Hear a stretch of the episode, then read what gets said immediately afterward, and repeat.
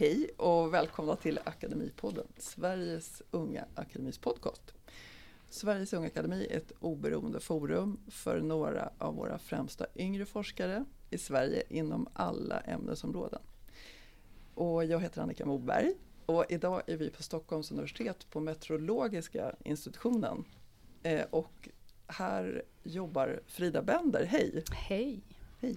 Eh, vad handlar din forskning om? Och min forskning eh, handlar om att förstå saker i klimatsystemet som vi ännu inte förstår fullt ut och särskilt sådana saker som har stor betydelse för hur eh, känsligt klimatet är för yttre påverkan, till exempel då den mänskliga påverkan. Så jag tittar mycket på moln och små partiklar i luften och hur de interagerar med klimatet. Är det svårt för dig att ligga avkopplad under en sommarhimmel och titta? Ja, nej. Ehm, du menar för att molnen är så spännande? Ah, jag har inga jätteproblem med det faktiskt, ska jag säga. det låter sunt. Ja. Och så har vi Johan Rockberg från KTH och du eh, forskar bland annat på evolution. Kan det stämma? Um, ja, jag tittar på riktad evolution. Jag använder evolutionen som uh, selektionsprocess för att ta fram förfinade läkemedel av olika slag. Ehm, så ehm, jag arbetar med eh, proteinläkemedel ehm, för behandling av olika sjukdomar. Och det blir nya typer av molekyler som naturen inte skulle ha evolverat om inte vi var där och styrde lite. Och det gör också att det blir lite svårt för celler att producera sådana här läkemedel. Så att min andra del av min grupp, den handlar om hur vi evolverar celler så att de kan bli bättre på att producera saker som vi vill göra i stor skala också. För, för mig så låter det här som eh, biologi och medicin.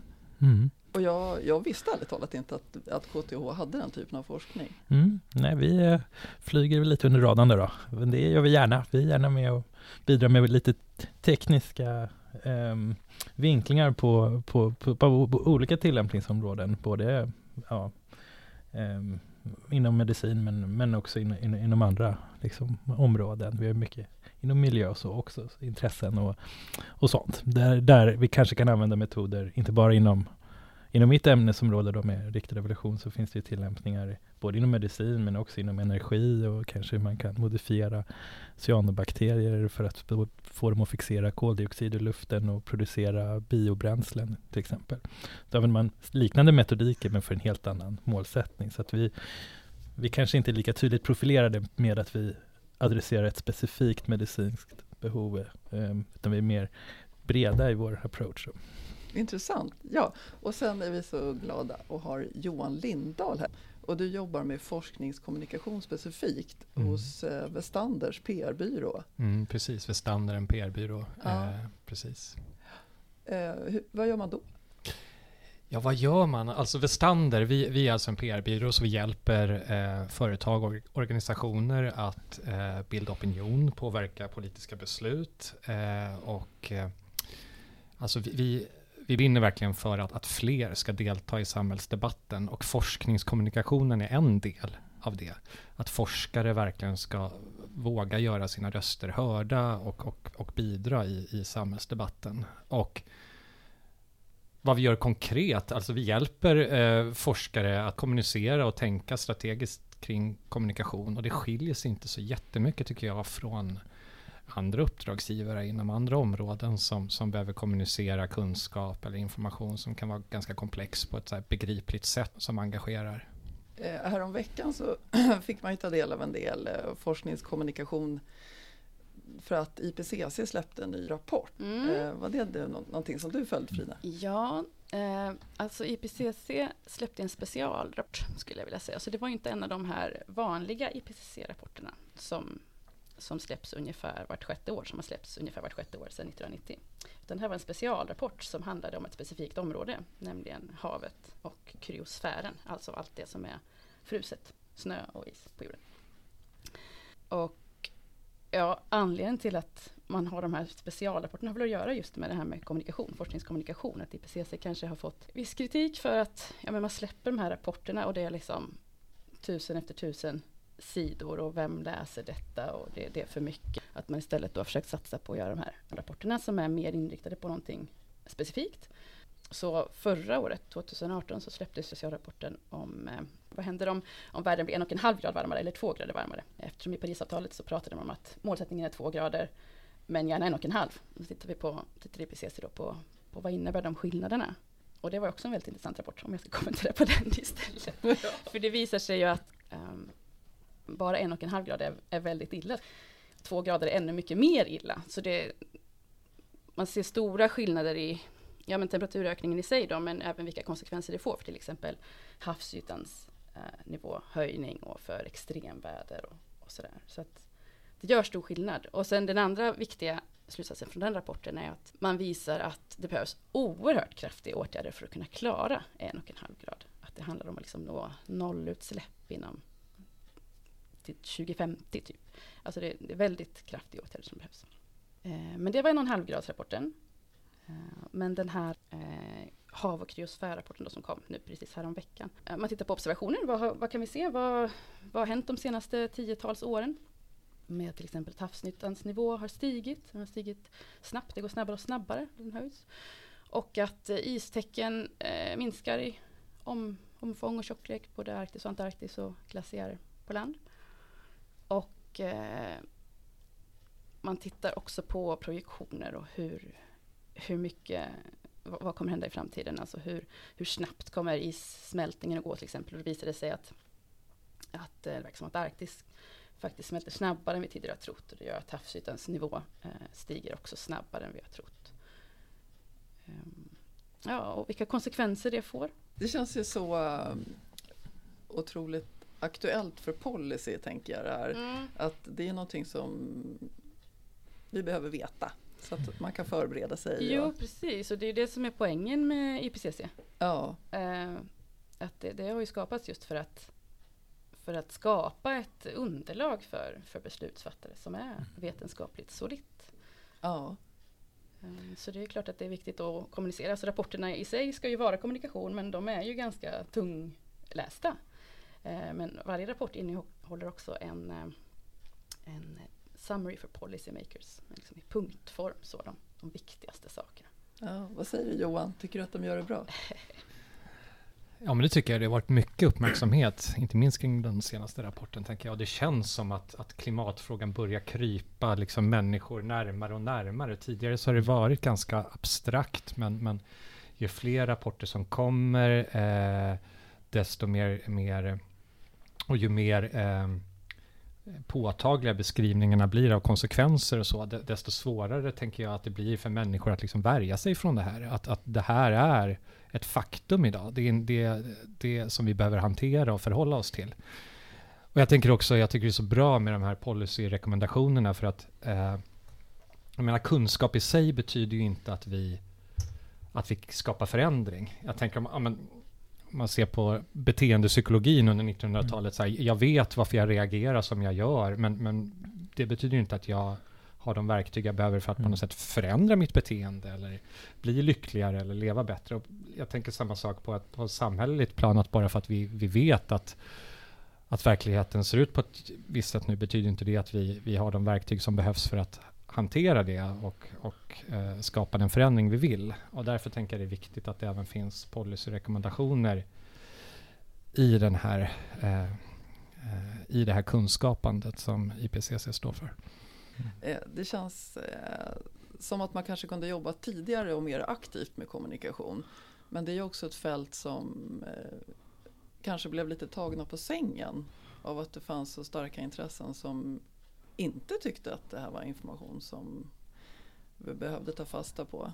Du menar att klimatforskarna kunde tidigare ha jobbat på att Ja, IPCC till exempel. Mm. Ja, men jag tänker att IPCC, det, IPCC har ju skapats för att kommunicera. Alltså det är ju, jag gillar ju att hylla IPCC. Alltså det är ju fantastiskt att det, att det fungerar. Det är ett jättebra exempel på kommunikation. Jag menar, vi har ju, det är inte så att, att vi inte Eh, kände till klimatförändringarna innan dess, utan vi har ju förstått det här med hur klimatförändringar fungerar. Det är ju liksom hundra år gammal vetenskap, det är inga nyheter. Eh, men sen så när man förstod att det, att det faktiskt liksom påverkar vårt samhälle, vi måste göra någonting åt det och hur ska vi liksom förmedla detta till, till samhället. Då skapades IPCC, så det är ju liksom verkligen, ja det är det som är eh, deras mål, att kommunicera.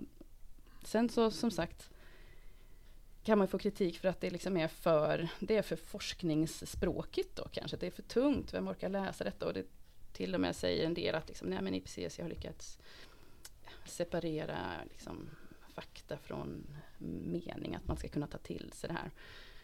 Eh, och att, att för att vi ska kunna liksom kommunicera så att folk ska förstå så handlar det om att man måste berätta historier som berör dem och sådana där saker. Men jag kan ändå tycka att jag menar, att IPCC har den här, det ger mig en, en, bas för att kunna kommunicera på det sättet med andra. Om det inte hade funnits så hade jag mm. inte haft någonting att hänvisa till. Liksom. Nej, det är verkligen stegat. Ja. Mm. Så det är till hjälp för dig om inte annat. Ja, men det är det ju. Det tycker jag. Ja, jag vet att eh, du sa, vad, hur länge hade det funnits IPCC?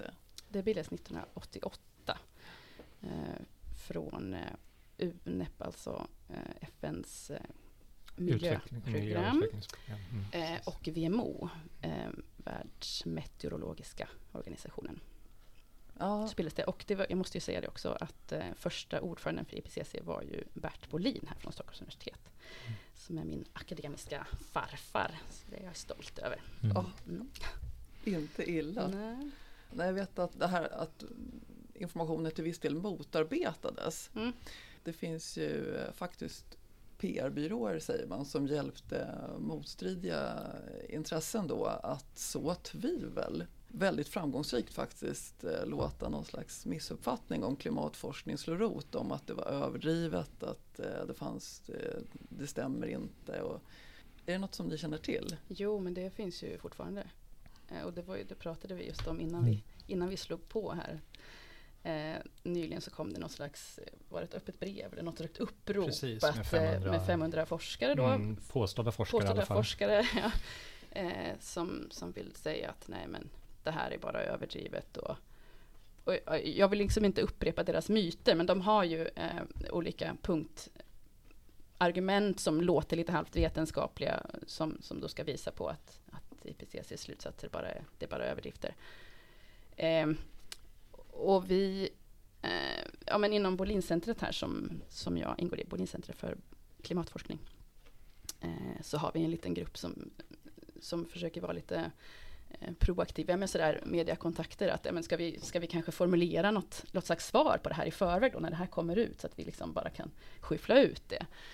Och så tänkte vi, ja men ska vi bemöta den punkten och den punkten och sen så efter ett tag, bara, nej men alltså att bemöta de här punkterna, det blir ju på något vis nästan att bara legitimisera. Man vill snarare säga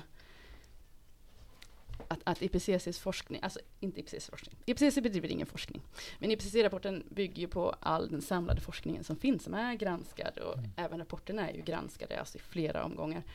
Det är, liksom, det, är det, det, är det vi har att utgå ifrån. Så att, att börja bemöta så här pseudoargument är liksom inte intressant när den mm. ifrågasätter, ja men som sagt, kunskap som är hundra år gammal. Så det, det är bara fånigt. Ja. Alltså, alltså jag tänker så här, det första som, som du var inne på, PR-byråernas roll. Eh, och, och, där eh, vill jag säga att det finns idag i PR-branschen ingen ska säga, etiska normer eller, eller eh, något slags eh, eh påtaget regelverk kring hur, hur vi som, som PR-byråer och konsulter ska förhålla oss och verka. Eh, det finns de som, som jobbar med dolda upp, uppdragsgivare, dolda intressen och så vidare. Det här är vi på Vestander väldigt kritiska till. Eh, vi, vi, eh, vi eh, vill verkligen trycka på branschen till att, att bli mycket öppnare med vilka man jobbar med, vad man har för intressen och likadant att skapa tydliga etiska normer för hur vi går tillväga när vi faktiskt hjälper olika aktörer att, att delta i debatten och påverka politiska beslut. Vi har till exempel alla våra uppdragsgivare eh, som vi jobbar långsiktigt med på vår hemsida som man kan se. Eh, har du några exempel? Exempel på? Uppdragsgivare? Ja, det kan vara vad som helst. Alltifrån eh, Kungliga Vetenskapsakademin, eh, Hjärt-Lungfonden, eh, Forska Sverige, till exempel om vi talar just inom forskningsområdet så eh, vi jobbar mycket inom klimatområdet, eh, hållbarhetsområdet, eh, samhällsbyggnad. Så, så, vi jobbar brett med, med PR. Men, men, men med det sagt så, så tänker jag att, att det är intressant som du är Frida inne på här, hur hur förhåller ni er som forskare till eh, den här typen av, som du kallar det för, pseudovetenskapliga inlägg i debatten? Mm. Eh, och det, det är en ganska intressant fråga som jag tänker vi skulle kunna resonera lite kring. Eh, för jag, jag som, som PR-konsult tänker på ett sätt och ni kanske tänker på ett annat. Mm. Eh, hur förhåller vi oss till den här typen av, av utmaningar? Mm. Det tycker jag är intressant att resonera kring. Ja, verkligen. Mm. Alltså jag föreställer mig att de är vanligare i mitt fält än i ditt fält. Jag vet inte, hur mycket, det- hur, hur mycket blir du ifrågasatt i dina liksom, Ehm, grundprinciper? Ja, men det beror på i, i, i de sammanhang som man kanske har öppna före, föreläsningar där det inte bara är vi som redan har accepterat de grundprinciper som vi, som vi bygger vår, vår bild av världen kring och, och vår, vår roll. Så, så som de presenterar liksom hur, hur medicinsk forskning kan liksom till exempel förbättra människors liv. Då, då kan det ju vara sådana som dyker upp som, som påstår att medicin som, som, som tar plats på ett sådant seminarium och, och påstår att det finns inga läkemedel som har lett till någon egentlig förbättring och det här är bara en konspiration och så vidare. Ja, Och så-. Så att det, de, de, de finns ju kanske hos, alltså de här, den typen finns ju där, men då kanske de inte understödda av en stark industri som, som kanske är i ditt område då, där Mm. det kanske finns sådana tydliga stakeholders som verkligen vill driva eh, en agenda. Mm. Ehm, men det, så jag kanske inte hade, sen så kanske det, nej, jag, har- jag har inte upplevt den, den här starka lo, lobby-sidan på, på det sättet. Nej, för det finns väl åtminstone, jag vet faktiskt inte hur det förhåller sig i Sverige, men i USA i alla fall så, så finns det ju forskning som har tittat just på hur, eh, hur sådana här, jag vet inte vad man ska kalla dem riktigt, eh, skeptiker är inte bra, eh, förnekare är inte bra, det finns inte riktigt något bra ord, men i alla fall hur de finansieras då eh, från olika håll. Jag menar, och det är klart att det finns jättemycket pengar i, i oljeindustri och så som eh, har sådana intressen. Ehm. Hur du går tillväga tänker du? Eller, hur, eh, eller om det finns sådana i Sverige? Förlåt, jag hängde inte med. Ja, alltså jag vet inte ifall, ifall de som är aktiva på den fronten i Sverige faktiskt har något ekonomiskt stöd någonstans ifrån. Det kan jag liksom inte uttala mig om. Det tycker jag var ett intressant journalistuppdrag. Eh, ehm, vi, vi vet ju att det kom eh, ett brev med, med 500 eh, så kallade forskare i alla fall, eh, som ifrågasatte IPCC-rapporten, däribland ett antal svenska eh, personer. Ja, det tycker jag vore intressant att titta på. Vilka, vad har de för, för eh, både ideologiska och ekonomiska motiv till att, till att delta i den typen av, av kommunikation? Eh, det skulle vara intressant, eh, ett intressant journalistuppdrag tycker jag. Eh, sen tänker jag från, från, från ett PR-håll att, att den här typen av, av kommunikation, alltså man kan se det på lite olika nivåer. Så här, rent generellt så vill jag säga att, att all form av kritik eh, som det här, av din uppfattning och så, det tycker jag att man ska se som en möjlighet att framföra sitt budskap. Mm. Så, så, snart man får kritik så tänka så här, ah, tack, nu har jag möjlighet att framföra det jag står för, det jag tror på. Så det är på något sätt utgångspunkten. Eh, men i det här sammanhanget, just vad gäller klimatdebatten, eller de så kallade klimatförnekarna, så tänker jag att vi, vi ser ju på något sätt lite så här eh, fossilindustrins så här, äh, sista dödsdans på något sätt, där de lägger in allt de kan nu för att faktiskt på något sätt hålla den här eh, debatten kring om globala uppvärmningen existerar eller inte. Alltså att debatten ska kretsa kring det, liksom hålla det levande. Och där tänker jag att, att man faktiskt behöver fundera på, så här, ska, ska, ska vi ge de här debattörerna syre eller inte? Och, och där är möjligtvis alltså utgångspunkten kanske snarare att ge dem så lite syre som möjligt. Vad gäller de här 500 forskarna så tänker jag att de har ganska mycket impact eh, Mm. och får ganska mycket ut, eh, uppmärksamhet. Så där tänker jag att man ändå behöver bemöta det på ett sakligt det, sätt. På ett sakligt sätt, men kanske ändå inte eh, punkt för punkt att ni har det här argumentet och det är felaktigt för att så och så. Jag vet inte, för att det det är så många absurda argument. Man vill nästan hellre bara, som du säger, ta det som anledning att framföra det riktiga budskapet. Precis. Det tar ju tid också och det Ja, det är ju gör det. faktiskt också en metod. Ja, Att eh, just eh, trasa sönder Det folks tid. ja. Verkligen, så är det. Och jag tänker också att, att eh, där behöver man också som, som forskare så att tänka vad, har, vad, vad, vad behöver min målgrupp och vad, vad är mitt syfte med kommunikationen? Ska jag, ska jag svara den här personen, ska jag ge mig in i debatten eller inte? Okej, vad, vad vill jag uppnå? Vad behöver min målgrupp och vad har jag för Mm. resurser? Mm. Och känner man då så här, jo men det, det att ta den här debatten, det gynnar mina mål med min kommunikation. Mm. Och det är bra för min målgrupp för att, för att jag ska nå dit jag vill. Då tycker jag att man ska ta debatten. Mm. Eh, men känner man att det inte gör det, då, då.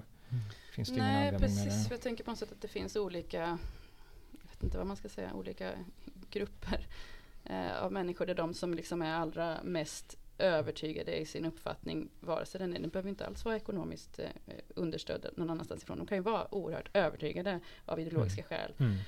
om att liksom man, man vill så ogärna ta till sig detta faktum att vi måste ändra på saker i samhället för att undvika väldigt, väldigt svåra problem. Eh, att man väljer att inte tro på att det är sant. Liksom.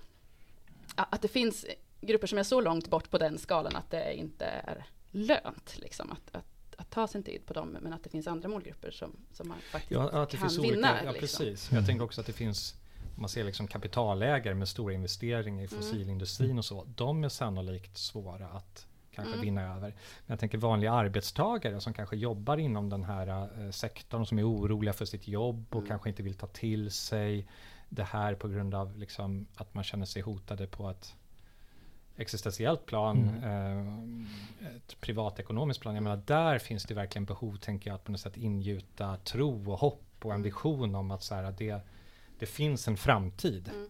också för er. Mm. Fast vi kommer se en, en, en annan ekonomi och en, en, ett, ett mycket mer positivt och mer hållbart samhälle. Så. Mm. Eh, Ja, Tänker precis. Ja, och också för industrin som jag måste vara med i den här omställningen också, försöka hitta, det är något som, som vi jobbar mycket med på KTH nu, som, som, som har ett nära samarbete med många av de svenska företagen. Och, eh, mycket, mycket av de anst eh, deras anställda kommer från oss, så vi försöker ju, vi utbildar ju i hållbar utveckling i alla våra kurser. Eh, vi försöker integrera det i allting, men vi jobbar också nu sedan några månader tillbaka inom en, ett stort projekt där vi försöker kartlägga bolagen som finns här och deras stora utmaningar under de här ganska nära 5-10 åren som vi måste liksom ställa om. Hur ska de göra i de olika branscherna? Och försöka vara med och prata strategiskt, försöka hitta. Ibland handlar det om att du kanske måste ha en helt annan affärsmodell. Du kanske inte längre kan ha din gruva. Det kanske är något annat du ska göra som är ändå i linje med det du är expert på. Och försöka vara med och diskutera de här frågorna på ett sätt där de kan gå ut som vinnare och inte bara som skurkar. Eh, för de, de, de är ju en viktig roll för, för vårt land idag. Precis, och vilja förstå på ett, liksom ett, Mm. ett välvilligt sätt och ta fasta på det som man tycker är klokt i deras argumentation men, men också framföra sitt eget budskap. Mm. Sen tycker jag att det också finns olika nivåer på, på ens, om vi ska kalla det meningsmotståndare, liksom från liksom fejkade konton och rena liksom trollkampanjer Precis. hela vägen upp till faktiskt folk med en akademisk position men som tycker annorlunda än vad man själv gör. Och däremellan finns liksom hela spektrat och man måste be bemöta det på lite olika Mm. sätt, tänker jag. Eh, man självklart om man blir liksom utsatt för hot och hat och, och, och menar, ska man såklart bara lämna, vad man ska gö- göra då? ja. Eh, då tycker jag att man ska ta en skärmdump och, och polisanmäla. Som om man är till exempel klimatforskare på Twitter. Om man blir utsatt för, för, för, eh, för eh, saker som är, som är olagliga, liksom hot och hat, då tycker jag absolut att man ska dokumentera och, och polisanmäla och sen blocka, blockera eh, den typen av, av personer. Om det däremot är en meningsmotståndare som är, går till ett personangrepp men och samtidigt framför sin argumentation, då tänker jag att det är viktigt att, att inte Alltså vi reagerar ju ofta så att blir vi attackerade så går vi till motangrepp och det tänker jag det är väldigt viktigt att, att, att inte hamna där utan att, att aldrig göra föra liksom argumentationen på, på ett personligt plan utan att gå tillbaks till, till sitt budskap och till det kunskapsläge man representerar och vara väldigt saklig. Och Då gäller det ju att man har formulerat det också. Precis, och Ja, det är där vi kommer in. Det är därför Ja, det finns en plats för, för PR-konsulter även inom, inom forskarvärlden. ja, sen kan man ju tycka att forskning är ju det mest fantastiska med innehåll, får jag lov att säga. Man- Ja, det tröttnar man ju liksom inte på. Och då så ska ju det givetvis också ha det bästa förmedlandet, vilket ju förstås ofta får också. Och det är ju en, eh, en diger uppgift också förstås att föra ut det. Men där kan man kanske lära av andra branscher också som ju så framgångsrikt informerar om sina saker. Mm. Men, men, Johan, vad känner du då? Känner du att om det skulle komma ett troll på din föreläsning, skulle du känna igen det och vet du dina, vad du står för och ditt kunskapsläge och vad du ska göra då? Ja, jag brukar inte bli så, känna mig så personligt attackerad utan jag, jag kanske utan att kanske ha tänkt på det har nog försökt förklara hur jag uppfattar, och, och då kanske många med mig, hur, hur, hur det ser ut i, liksom i det här området. Till exempel om det är någon som, som pekar på att vi ska inte vaccinera oss till exempel. Och det är eh, bara någon slags konspirations för staten ska kontrollera oss på något sätt. Eh, utan, eh, utan att det faktiskt är en, liksom en, en väldigt säker metod att faktiskt se till att vi, vi, vi, vi håller de farliga infektionssjukdomarna borta från, från oss och, och att vi undviker svåra, svåra följdsjukdomar och så. Så att ehm, det, bruk, det brukar Ja, ja, ja, man är ju inte beredd liksom. Det, det, det, det, är ju sådär när man är i ett sammanhang där man känner sig trygg och där man har en ton och där och så dyker det upp kanske de här, så, så man blir ju lite så överraskad och men, ehm, men ja, nej, det är väl bara att kanske vara mer förberedd på det nu då, eftersom det dyker upp mer i sociala mediesammanhang och sådana saker, att man får vara, träna sig mer på, på att vara redo för det. Ja, Jomsa, Frida, är du beredd? Ja, beredd? Jag vet inte. Det är klart att det har hänt så här när man liksom ger någon föreläsning och så kommer någon upp efteråt och bara, men du har inte läst den här The Climate Hoax, liksom, det här är ju bara hittepå och så. Ja, hur beredd är man? Det finns en en god förebild i klimatforskningskommunikation. Han, han är död nu sedan tio år, men han sa Know thy audience, know thyself, know thy stuff. Och det ligger väl något i det liksom. Vilka pratar jag med? Vad kan jag säga? Hur kan jag kommunicera? Och liksom, jag ska kunna mina saker så att jag faktiskt kan förmedla mm. det rätta budskapet istället för att spåra iväg på någon tangent som, som inte är relevant. Utan mm. faktiskt, man kan sina grejer och kan säga de rätta sakerna, precis som du beskrev det nu. Att man kan mm. beskriva varför vaccin är bra. Mm. Det är tråkigt att man som forskare när man ska hålla sin föreläsning ska behöva tänka på sådana saker också.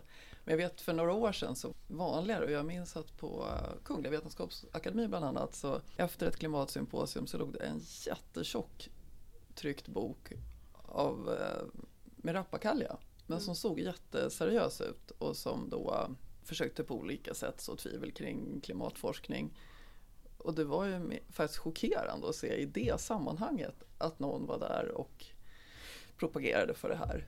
Ja, men det är vi ju vana vid. Ja, förlåt. Mm, ja, nej, men, så är det ju. Liksom. Ja, så är det. Och det tänker jag, det kan ju vara sorgligt. Men däremot så finns det inget tråkigare än seminarier där alla tycker likadant, tänker jag. Så att på något sätt så, så tycker jag att man ska se också åsiktsskiljaktigheter som något intressant och spännande. Sen, sen den här typen av, av, av, av inlagor eh, kanske man inte känner någon så större lust kring.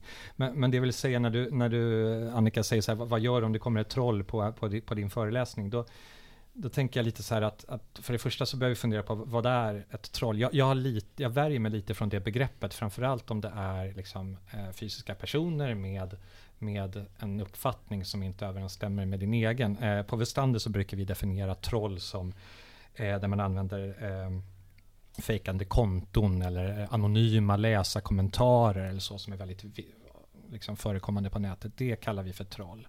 Och det där tänker jag att man behöver tillämpa en helt annan princip, mycket mer krass princip, ignorerande princip, än, än om man faktiskt stöter på eh, fysiska personer som tycker annorlunda än vad man själv gör, även om de inte har, har på fötterna. Så. Så att jag tänker att man måste hålla isär lite grann också. Det finns en skala här mellan eh, rena troll, liksom automatiserade konton och, och, anonymiserade kommentarer och så till personer som bara är ute för att sabotera, slänga sig med hot och hat och förstöra dialogen. Till personer som faktiskt är genuint engagerade men har en annan uppfattning än vad man själv har och kanske inte har så mycket eh, vetenskaplig grund på fötterna när de uttalar sig. Så jag tänker och, och det behöver man så förhålla sig till. Var på den här skalan befinner de sig som jag ska argumentera med nu? Då behöver jag, jag behöver ha lite olika strategi beroende på var på, på den här skalan mm. eh, diskussionen befinner sig. Ja, liksom. Är det 100% troll eller är det faktiskt en person det här? Ja, precis. eh, och då behöver min, min, min utgångspunkt som debattör eh, anpassa sig efter, efter vem det är jag diskuterar med. Ja, lyssna. Och sen definitioner är ju alltid bra. Mm. Pratar vi om samma sak? Mm. Vem, vem framstår jag som i det här sammanhanget och var är vi någonstans? Jo men det är ju det är helt sant, jag håller helt med dig. Men jag vill ändå kommentera på det du sa att Alltså det är klart att det är tråkigt om alla tycker likadant i, i ett seminarium och så. Men, men att det liksom handlar om att kanske Klart vi ska ha diskussioner och meningsskiljaktigheter men att de ska vara på rätt ställe. Det handlar inte om att skapa konsensus men det handlar om att diskutera de relevanta sakerna. Och att liksom att att ifrågasätta att, att koldioxid är en växthusgas som gör att klimatet blir varmare och det får kraftiga äh, väldigt allvarliga konsekvenser för oss som människor. Det är liksom inte meningsfullt. det har vi passerat för 50 år sedan, liksom. Exakt. Ja. Så att, men det är jätteintressant att diskutera hur känsligt klimatsystemet är. Det är ju det liksom, Mm. vad forskning handlar om. Mm. Den handlar ju inte om huruvida växthuseffekten är Mm. förstärkt av mänsklig aktivitet. Precis. Och därför tänker jag att Ja men exakt, klimatfrågan är också verkligen en sån, en sån diskussion som liksom förstörs av att man hela tiden ramlar tillbaks Ja, på en precis. debatt som på något sätt borde varit avklarad för, För länge 50 sedan. år sedan. Mm. Ja, det är detsamma för genusforskare tror jag. Eh, vi har ju några sådana i akademin och då så, så vill vi gärna ta hjälp av dem och säga men, men hur är det med representationen och hur är det med vad säger ni om den här arga debattartikeln och hur är det egentligen? Och det där tycker de är helt ointressant för deras fält har ju kommit så mycket Ja, precis. längre. Så Mm. mycket Liksom. förbi det. Men så är det väl, det kan säkert du också uppleva Joel, att man får stå till svars för en hel del som inte riktigt Ja, nej men man eh, kanske förväntas vara expert på, eller jag vet inte riktigt. Ja, det är ehm, ja, allt från Ja, men om man jobbar med ett ämne som heter riktad evolution så låter det kanske som att man leker Gud och försöker förändra hur människor ska se ut och vara och sånt där. Men det är inte riktigt det vi håller på med. Och det är inte tillåtet, kommer vi inte liksom pyssla med. Så jag vet inte riktigt. Ja, så att det, nej men det är klart, det gäller att veta, försöka hitta, som, som du sa, eh, med eh, fokusera på det man faktiskt vill prata om, inte dra iväg och diskutera alla konsekvenser som det skulle kunna leda till. Och det är kanske en spännande teoretisk debatt, och, men det är inte det jag är expert på, det är inte det jag håller på med, det är inte det jag vill bli förknippad med, så att kanske bäst att inte uttala mig för spännande i det hänseendet. Men får jag bara fråga, för jag blir så nyfiken som, eh, som PR-konsult. När, när ni som forskare kommunicerar, vad känner ni så här idag? Vad är er största utmaning? Vad tycker ni är svårast när det handlar om att kommunicera med en bredare allmänhet, med media och bredare allmänhet? Liksom tredje uppgiften. Vad, vad, tycker, vad är er största utmaning där som forskare? Mm. Svårt.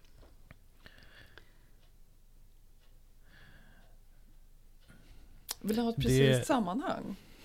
Nej, ja. Nu är kring, om de hade ringt till dig Frida om eh, IPC, IPCC-släppet förra veckan.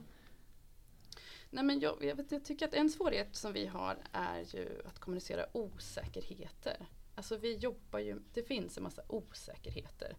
Vi vet inte exakt hur känsligt klimatet är, det har jag sagt flera gånger, men, men det är ju liksom en så här helig graal för oss. Liksom. Vi vet inte hur mycket varmare det blir givet en viss mängd koldioxid. Och det är ju jättespännande för oss att försöka reda ut det och det har mycket att göra just med de här sakerna som jag forskar om. Att hur svarar molnen på uppvärmning? Vad, vad har partiklarna för roll? Eh, och då kan det ju låta som att jaha, de vet ingenting. Ja, de, de säger att det ska bli jättevarmt men det vet de nog inte för det finns så mycket osäkerheter. Alltså att, att kommunicera att det finns saker vi vet. På en nivå vet vi liksom Mm. fullt tillräckligt. Men på en annan nivå så finns det, så finns det stora frågor som vi måste fortsätta for- forska på. Det kan jag tycka liksom är svårt Mm. att förmedla på ett, på ett bra sätt. Mm. Det låter bekant lite grann som när vi pratar om läkemedelsutveckling också. Man kanske har lyckats med visa något proof of concept, förstått hur en cell svarar, om det må handla om Alzheimers eller cancer och så visar vi på, oh, kolla här, vi lyckas döda cancern. Så får man fråga, ah, okej, okay, när kan jag köpa det här? Och då säger jag, ja det finns jättemycket osäkerhet på att det här någonsin kommer nå dit. Och det blir kanske en svår passage att, ja men hur, och hur mycket rimligare är det att det här skulle ha någon effekt för, för, för liksom för allmänheten jämfört med det här som har gjorts tidigare då? Är det här, hur bra är det här? Och, och kanske kunna värdera det på ett, ett opartiskt och spekulativt sätt samtidigt. um, och, och då ska man, ja, dra igenom de, liksom statistiken som är att ja, men alla läkemedelsprojekt som, som initieras och kommer in i klinisk fas så är det 90 procent som, som dör någonstans på vägen. Ska man säga det och, och det kanske det skulle vara här och då skulle det blir så här jättetråkig äh, äh, historia istället för att det var fantastiskt nytt, nytt och spännande. Så att, så att det, det finns ju den krassa verkligheten finns där i, i liksom svårigheterna med, med de här äh, sakerna och sen så finns det ju spännande nya resultat som skulle kunna driva någonting i, i rätt riktning. Ehm. Ja men precis och kanske det är också som du säger att för att kommunicera så måste man ju faktiskt förenkla saker mm. väldigt mycket och liksom kanske inte gå in på alla de där detaljerna och, och alla osäkerheterna och alla, alla siffrorna och så. Och då, då är man ju alltid lite rädd för att man ska ses som att av, av sina kollegor då att mm. man har förenklat för mycket. Och liksom, att man har gått över gränsen till att bli, alltså för, för mig i alla fall så handlar det om att gå över gränsen till att bli politisk då liksom, eller aktivist eller så, för att mm. man säger att ja, men det här är allvarligt och nu är det bråttom. Får jag säga det? Eller får ja. jag inte det? Ses det som fult tycker ni bland ja, era kollegor att, så här, att faktiskt fult. ta alltså- ställning alltså, i, i debatten? Jag tror att det är, olika, det är lite problematiskt. Ja, ja, men i mitt fält skulle jag säga att det är liksom eh, det är lite problematiskt. Det är inte det som kanske eh, har högst status och man liksom jag vet inte hur jag ska formulera det på ett bra sätt. Eh, men det är många som är väldigt noga med att påpeka att jag är forskare. Det, det jag, liksom, jag tar inte steget ut i, i samhällsdebatten. Men när man då har, om man är forskare inom ett fält som har så oerhört stor relevans för samhället så kan det också vara ett problematiskt ställningstagande. Att välja att inte göra det. Ja, så det kanske beror på vad man vill ha. Det gäller att inte tappa sin trovärdighet. Exakt, då, ja, men det är, ju, det är ju det. Man får ju inte, som sagt, det ligger så nära politik. Alltså jag kan ju som sagt påpeka problemen som finns och, och påtala sannolika konsekvenser och så. Men jag kan ju inte komma med en, en lösning, en politisk lösning. Det är ju inte min uppgift. Men man kommer ju nära det. Liksom. Mm. Mm. Och förlåt, jag firar kanelbullens dag. Jo, vad tänkte jag på? Men om man, eh, brukar man inte säga så att om det är någon som är ute och far med väldigt mycket dålig information, då, då tycker jag då har man ju någonstans ett ansvar att ta kontakt och, och dela den kunskapen som man har.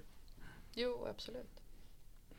Sen antar jag att det är ett ganska stort arbete inledningsvis när man ska förbereda sig på det här som du sa, att man har på fötterna och man vet vem man är och vad man kan.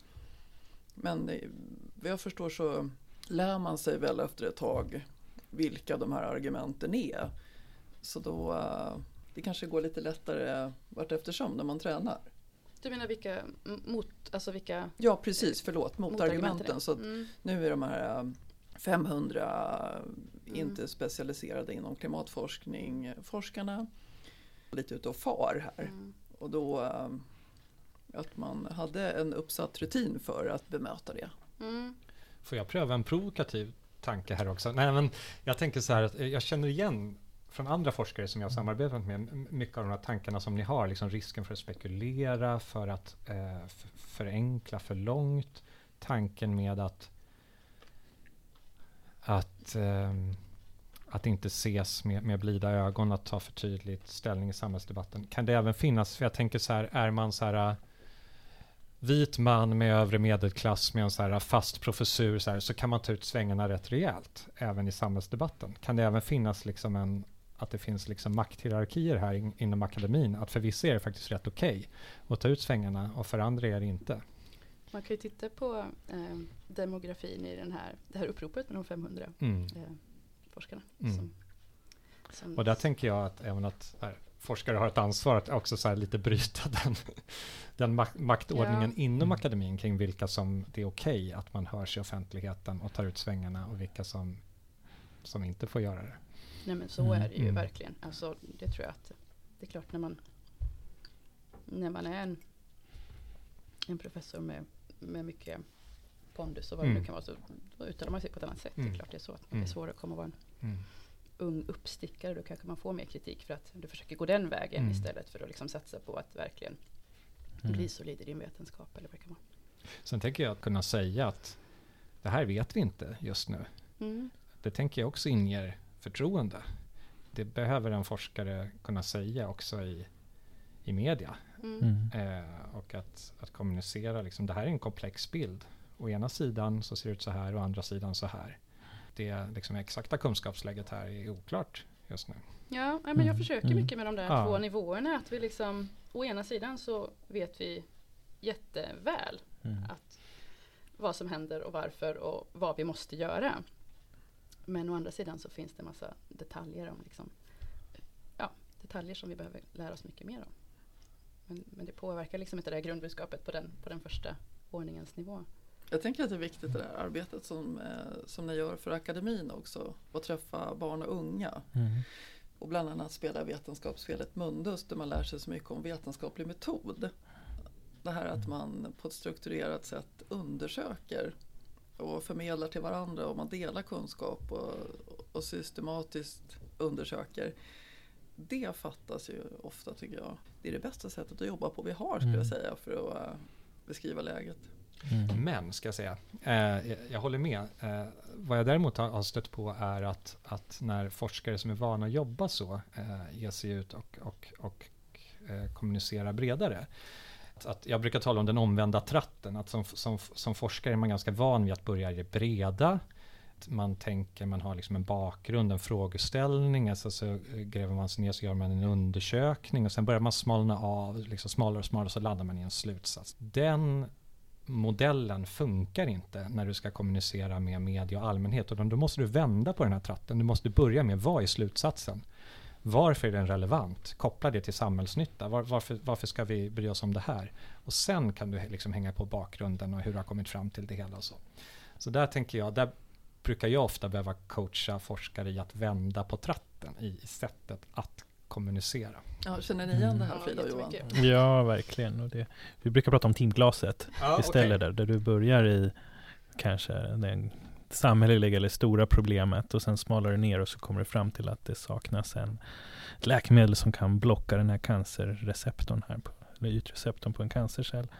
Och sen så genom att blocka den så bygger man upp den, kommer man tillbaks till samhällsnyttan igen sen, hur den här då lyckades göra det.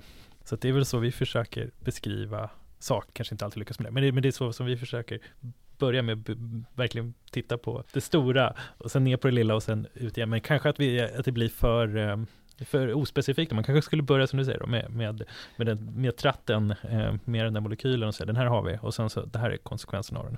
Jag tänker att den vetenskapliga metoden är helt fenomenal att använda i ett akademiskt sammanhang. Mm. Den är inte lika fenomenal som kommunikationsverktyg Mm. när det handlar om att, att effektivt kommunicera till en bredare Nej. allmänhet. Att, att göra det snabbt, göra det relevant, begripligt och intressant. Mm. Då behöver man lite vända på metoden. Ja, det kan vara bra att iaktta andra tycker jag också man lär sig så mycket på. Nästa vecka, nu är det möjligt att den här podcasten inte är klar till dess får jag erkänna. Men då offentliggörs ju Nobelprisen. Har lite på känn att de genrepar presskonferenser Mm. den här veckan. Det har jag varit med och gjort förut. Och då så ja, då hade vi någon metafor. Att de sa det, det är som att kunskapsbygget är som ett ja, det mest fa fantastiska slott. Och så ska man stå där och prata om skorstenen. Liksom. Att det, är så, det är ju en otrolig utmaning.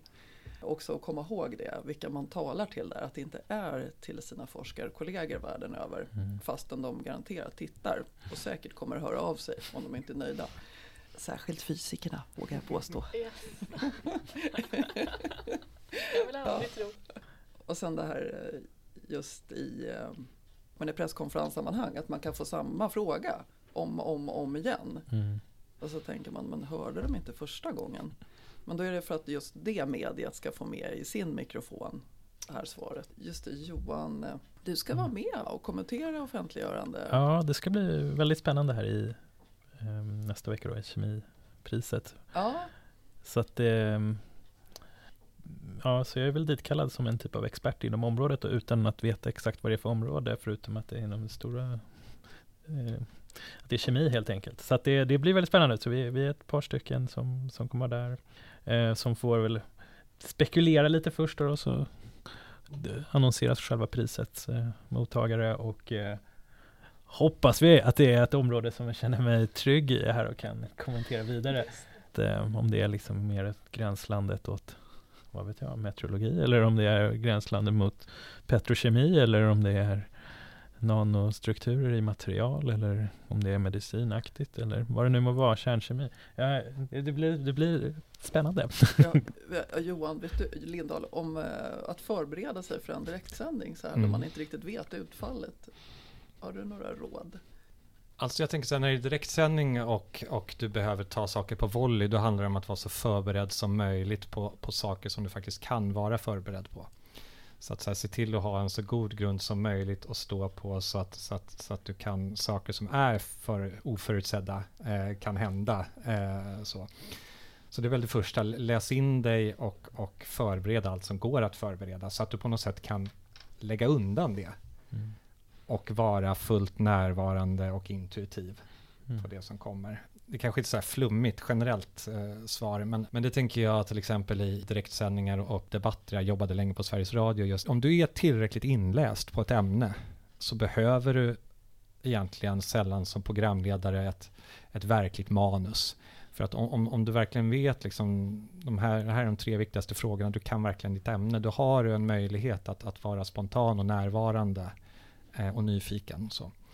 Det, det är väl ett råd att förbereda dig på, på, på så mycket som du kan och sen släpp det och, och var så närvarande och nyfiken som du kan mm. i stunden. Ja, det brukar vara det är en rolig nyhet verkligen. Mm. Och det brukar vara god stämning där. Mm. Och så mm. är det ju Victoria Dyring har gjort det här många gånger. Hon är ju en riktig klippa. Mm. Ja, det ska bli kul. Vad ja. tänker du själv? Vad är ditt bästa råd till dig själv? Um, det kommer gå bra tror jag. Det brukar jag göra det. Ja, men precis, jag vet tro inte. på Helt rätt. Um, det, ja. Jag har, men man kan inte vara professor i alla ämnen och veta alla detaljer och den, den mest briljanta aspekten av någon annans arbete nödvändigtvis utan att ha ha, ha hunnit med läsa alla avhandlingar i världen, det kan man ju inte. Så att jag, jag tänker mig ja, jag får väl visa vem jag är. Jag är där och är, är expert inom mitt område och väldigt intresserad av, av kemipriset. Så att jag, om jag kan visa det i alla fall, då, då har jag gjort så gott jag kan och sen så för, får jag väl ja, försöka, som du säger, då, fortsätta förbereda mig inom, inom de här jag tänker också förberedelse lagom mycket. På något mm. sätt handlar det också om så att, att älska nervositeten, brukar jag säga. Mm. Eh, och likadant att tänka så här inför att så här, framförallt folk som gör sin första intervju och är så livrädda. Att så här, men tänk så här, du älskar verkligen det här. Det här är det bästa du vet. Att vara i direktsändning och prata om det här. Det är verkligen det bästa du vet. Men om man inte tycker det? Ja, men då, då kan man, man faktiskt öva på att ja. gå in i det modet faktiskt. Att så här, ja, okay. Jag gillar verkligen det här. Det här, det här är så kul. Så, här. Alltså, alltså försöka peppa upp sig själv till mm. att känna så, här, sån, så mycket lust och självförtroende som man faktiskt kan där och då. Och sen, ni är jättegoda förebilder och det är ett arbetsmöte. Det kommer bli fantastiskt. Så det är viktigt att se er där. Det ska man mm. komma ihåg. Och så just vad det gäller presskonferens, att det är ett arbetsmöte tycker jag är så bra råd. För då, blir man, mm. då får man ett annat mindset. Okej, vad kan jag hjälpa till med mm. nu? Just det. Ja. ja men precis, du är ju där för att du är expert. Alltså det är någon som har bett dig komma. Mm. Du, eller hur? Gissar jag. ja, jo, precis. Jag tror de släpper in mig och väntar mig, hoppas jag. Nej, men, men så du, du fyller en funktion genom att, mm. genom att vara expert. Mm. Ja, verkligen. Det ska bli så spännande att se nästa vecka. Mm. Jag tror att eh, Vetenskapsradion ska gissa och tippa idag mm. vilka pristagare vi får. Eh, och jag vet att mina gamla kollegor på KVA, Kungliga Vetenskapsakademien, gör ett jättebra jobb. Mm. Vilket maskineri det är. Det är ju mm. några av de största presskonferenserna vi har i Sverige varje år. Mm. De brukar få väldigt mycket beröm också från journalister för att det är så. Att eh, man prioriterar om man har bråttom direktsändning, vilken typ av expert man behöver, blir man tilldelad i förväg som journalist. Experten har också med sig en person som hjälper till med tid och vem de ska prata med sen. Och, så det är faktiskt eh, mycket fint. Sen kan jag tycka att eh, vi kunde ju ha kommit längre ofta med popularisering.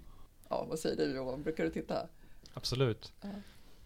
Jag, ja, jag vet inte. Jag, jag, jag minns framförallt Arne Bruns framträdande senast. Alltså, jag, jag går mer igång på de delarna faktiskt nu, nu för tiden. På, Ja. får, men vad, hur tänker du då Annika, med att kommit längre vad gäller populariseringen? Vad är det Just när priset offentliggörs mm. så då brukar först då hälsar ständig sekreteraren välkomna till presskonferensen.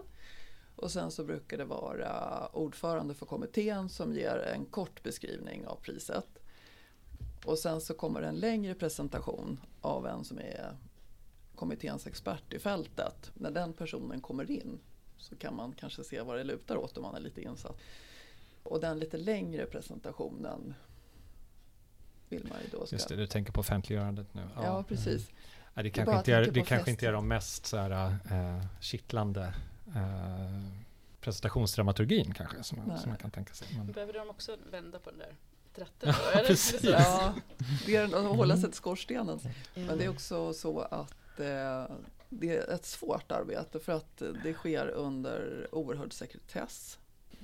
Så att man kan inte leta fritt efter information och förbereda sig som man kan göra annars. Mm. Och sen så tas ju beslutet formellt först samma dag. Så att, eh, ja. Och sen är det ju naturligtvis liksom mycket nerver och ja, Nobelpriset har ju en välförtjänt status och den ska upprätthållas.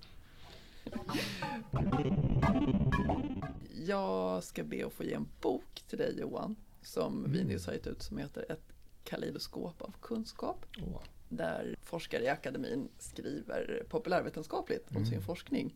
bra, Ja, det är det vi, jag går igång på. vi är så stolta över den. Hoppas att du också tycker om den. Med så fina illustrationer också faktiskt, apropå kommunikation. Och eh, nästa vecka har vi vetenskaplig salong. Tema barnfetma. Eh, vi bevakar Nobelpris. Vad gör vi mer? Forskningspolitiskt inspel inför proppen. Mycket Mm, jobb med det mm. Det. på gång. Ja, så ser det ut. Och flera poddar blir det förstås. Och akademin ska faktiskt åka till London i början på december. Nästa akademimöte. Det ska bli spännande.